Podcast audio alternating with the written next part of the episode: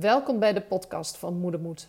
Ik ben Anke Velstra en ik begeleid vrouwen na een heftige bevalling bij de verwerking, bij de voorbereiding op een nieuwe bevalling en bij problemen in de hechting met hun kindje. Dit is aflevering 4. En vandaag in deze podcast wil ik het hebben over EMDR. EMDR wordt namelijk gezien als dé manier om een trauma te verwerken. Maar EMDR kent ook nadelen, zeker voor vrouwen die een bevallingstrauma willen verwerken. En dat is waar ik je vandaag graag meer over wil vertellen. En dat doe ik door een eigen ervaring te delen. Ik neem je mee naar de bevalling van mijn dochter in 2010. Ik was uh, ruim 37 weken zwanger en ik werd ingeleid omdat ik pre-eclampsie had gekregen. Binnen een week was mijn bloeddruk gestegen van normaal tot echt sky high. Ik werd opgenomen en omdat ik de 37 weken al voorbij was, konden ze direct beginnen met inleiden. Ik kreeg een ballonnetje geplaatst. Tegenwoordig is dat uh, vrij gangbaar bij een inleiding, maar op dat moment was dat nog een uh, wetenschappelijk onderzoek waar ik uh, aan meedeed. En 24 uur later werd ditzelfde ballonnetje er weer uitgehaald. En op dat moment bleek ik al 4 centimeter ontsluiting te hebben. En het enige wat ik daarvoor had gehad was wat harde buiken om de paar minuten. Dus ik dacht, nou, als ik de rest van de bevalling ook zo kan doen, dan teken ik daarvoor. Maar dat werd al vrij snel een ander verhaal. Nadat mijn vliezen werden gebroken, werd ik aangesloten op de weeënopwekkers. En de weeën kwamen al vrij snel op gang. In het begin kon ik die nog wel redelijk goed opvangen. Maar omdat ik alleen been- en rugweeën had en de CTG daardoor niet heel veel activiteit aangaf, werden de opwekkers al vrij snel opgeschroefd. Voordat ik het wist, belandde ik in een enorme weeënstorm van been- en rugweeën en wist ik niet meer hoe ik het moest hebben. Ik lag vast aan allerlei draadjes en kon daardoor niet van mijn bed af om in beweging te komen of om onder de douche te gaan staan om ze daar op te vangen. Binnen twee uren had ik volledige ontsluiting, waarvan ik de laatste vier centimeter binnen tien minuten heb gedaan. Op dat moment dacht ik echt dat ik gek wist, werd. Toen ik eindelijk mocht persen, bleek ik geen persweeën meer te hebben. Twee uren lang heb ik op eigen kracht moeten persen. Geen idee hoe en waar naartoe. Tot het moment kwam dat ik niet meer kon. Ik was gewoon kapot. En toen besloot men, toen besloot men me een handje te helpen met een vacuümpomp. En terwijl de gynaecoloog in de hoek van mijn kamer in mijn tijdschriften stond te bladeren, liet hij zijn artsassistent het vuile werk opknappen. Met haar volle gewicht hing ze aan de vacuümpomp, die er vervolgens ook nog een paar keer afschoot. Toen ik dreigde oud te gaan, werd ik op mijn wangen geslagen. Ik moest erbij blijven. Ik was zo bevroren geraakt in mijn lijf dat ik voor het oog alles gelaten over me heen liep komen, maar in mij was er alleen nog maar angst en paniek. Maar niemand die dat op dat moment in de gaten had. Inmiddels had ik al mijn zelfvertrouwen en waardigheid verloren. Ik voelde me net een homp vlees dat op een slagbank lag, in plaats van een vrouw die haar kind op de wereld zette. Ik liep een trauma op door deze bevalling. Maar dat had ik zelf helemaal niet in de gaten. Er was ook niemand van mijn zorgverleners die mij heeft gevraagd hoe ik de bevalling had ervaren en of het me lukte om het een plekje te geven. Ik stopte het weg en ik ging vooral heel hard aan het werk. Want zolang ik maar druk bezig was, hoefde ik niet te voelen. Nou, dat ging wel even goed. Tot ik in 2014 burn-out raakte. En dat niet alleen, tegelijkertijd kwam ook alle ellende van de bevalling met een knal naar boven. Ik moest niet alleen herstellen van mijn burn-out, maar ook aan de slag met het verwerken van mijn bevalling. Ik kreeg het advies om te starten met EMDR en dat is ook wat ik deed. Ik vond het vreselijk zwaar. Elke keer moest ik weer terugstappen in die angst. En na een EMDR-sessie was ik helemaal kapot. En de volgende dag kon ik helemaal niks. Alleen maar wat doelloos voor me uitstaren. Daarnaast moest ik mijn verhaal inclusief alle intieme details delen met mijn mannelijke therapeut.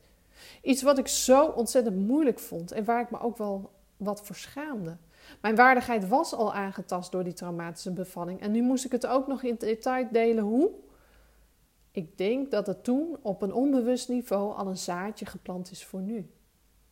Toen ik mijn succesvolle bedrijf stressvrij voor de klas achter me liet en verder ging als hulpverlener voor vrouwen die een heftige of een traumatische bevalling hebben meegemaakt, hoorde ik regelmatig van vrouwen dat ze aangeraden kregen om EMDR te doen. Iets waar ze toch wel behoorlijk tegenop zagen. Ze vertelde me precies dezelfde dingen waar ik zelf ook heel erg mee had geworsteld toen ik een paar jaar daarvoor ook EMDR had gehad. Dacht, dit moet toch anders kunnen? Ik ging op zoek naar alternatieven. Niet alleen in Nederland, maar ook in het buitenland. En zo kwam ik op een gegeven moment terecht bij de Three-Step Rewind methode van Traumatic Birth Recovery. En het sprak me gelijk enorm aan. Maar ik besloot ze eerst eens een tijdje te gaan volgen. En wat ze deelden was gewoon razend interessant. En ik merkte aan mezelf dat ik steeds enthousiaster werd. Begin, 2000, uh, eh, nee, begin september 2019 kon ik als eerste Nederlander starten met de opleiding. En ik vind het geweldig. Het is een zoveel fijnere manier van werken, maar wel met hetzelfde resultaat. En wat maakt nu het verschil? Uh, een belangrijk verschil is dat je bij deze techniek niet terug hoeft te stappen in de angst van toen. In alles wat je toen hebt gevoeld en hebt ervaren. Bij de Three-Step Rewind methode werken we eerst aan het vergroten van de ontspanning. En pas als je volledig ontspannen bent, kijk je vanaf een veilige afstand opnieuw naar je heftige bevalling. En dat maakt gelijk ook deze methode heel erg geschikt voor vrouwen die zwanger zijn en opnieuw geconfronteerd worden met hun heftige bevalling. Uh, in tegenstelling tot EMDR. Wil je daar meer over weten? Op mijn Facebookpagina Moedermoed heb ik uh, kort geleden een recent artikel gedeeld over de toepassing van EMDR bij zwangeren, waarin meer uitleg daarover wordt gegeven. En als je toch op die pagina bent, like hem dan gelijk ook even. Dat zou ik heel erg leuk vinden. Nou, naast dat uh, uh, je zeg maar niet terug hoeft in de angst, is het ook niet nodig bij deze methode om je bevallingsverhaal met me te delen als dat voor jou niet goed voelt. Je hoeft het je alleen maar te herinneren.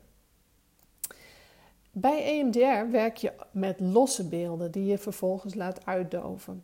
Met als gevolg dat het kan zijn dat niet alles wordt verwerkt. En dat je later toch in een situatie komt dat weer iets triggert. Iets wat je niet uh, op dat moment had kunnen voorzien. En toch gebeurt. Uh, bij de Three-Step Rewind methode pakken we de bevalling als geheel en geen losse beelden. En dat heeft als voordeel dat je gewoon de hele bevalling als een soort film aan je voorbij laat gaan en in één keer kunt verwerken. Nog een voordeel van de Three-Step Rewind methode is dat het zich niet alleen richt op het verleden, op dat wat je hebt meegemaakt en wat je graag zou willen verwerken, achter je willen laten, maar ook op de toekomst. Hoe voel je je nu?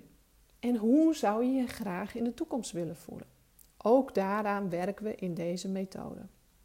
De Three-Step Rewind methode werkt heel snel. Voor de meeste vrouwen zijn drie sessies van in totaal drie uren genoeg. Een enkeling heeft nog eens een extra sessie nodig, maar meer dan dat is eigenlijk niet nodig. En als laatste voordeel kan deze manier van werken ook via online verbinding. Dus woon je niet in de buurt van Leeuwarden, hoeft dat geen enkel probleem meer te zijn, want het kan dus ook online.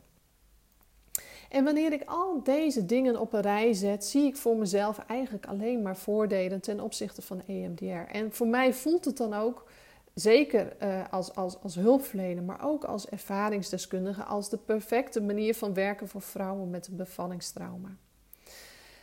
Aan de slag gaan met het verwerken van je bevalling is belangrijk. En dat heb ik je door het delen van mijn verhaal ook wel laten zien. Als je dat niet doet, loop je gewoon de kans dat dat uit de hand gaat lopen en dat er andere dingen gaan gebeuren. Bijvoorbeeld een burn-out, een postnatale depressie, een PTSS die zich toch nog ontwikkelt. Um, en dat verwerken, dat kan door middel van EMDR. Maar er zijn ook andere, vriendelijkere opties, zoals bijvoorbeeld de Three-Step Rewind methode, die ik heb geleerd en uh, waar ik je in deze podcast meer over heb verteld. Het allerbelangrijkste is dat jij een methode kiest die voor jou uh, passend is en die voor jou ook goed voelt. Um, mocht je meer willen weten over deze methode, uh, stuur me dan even een berichtje en ik vertel je heel graag meer erover. En uh, sowieso wil ik je heel erg bedanken voor het luisteren. Ik vond het hartstikke fijn dat je er weer bij was. En ik zie je heel graag terug in een volgende podcast. Oké, tot de volgende keer. Doei doei!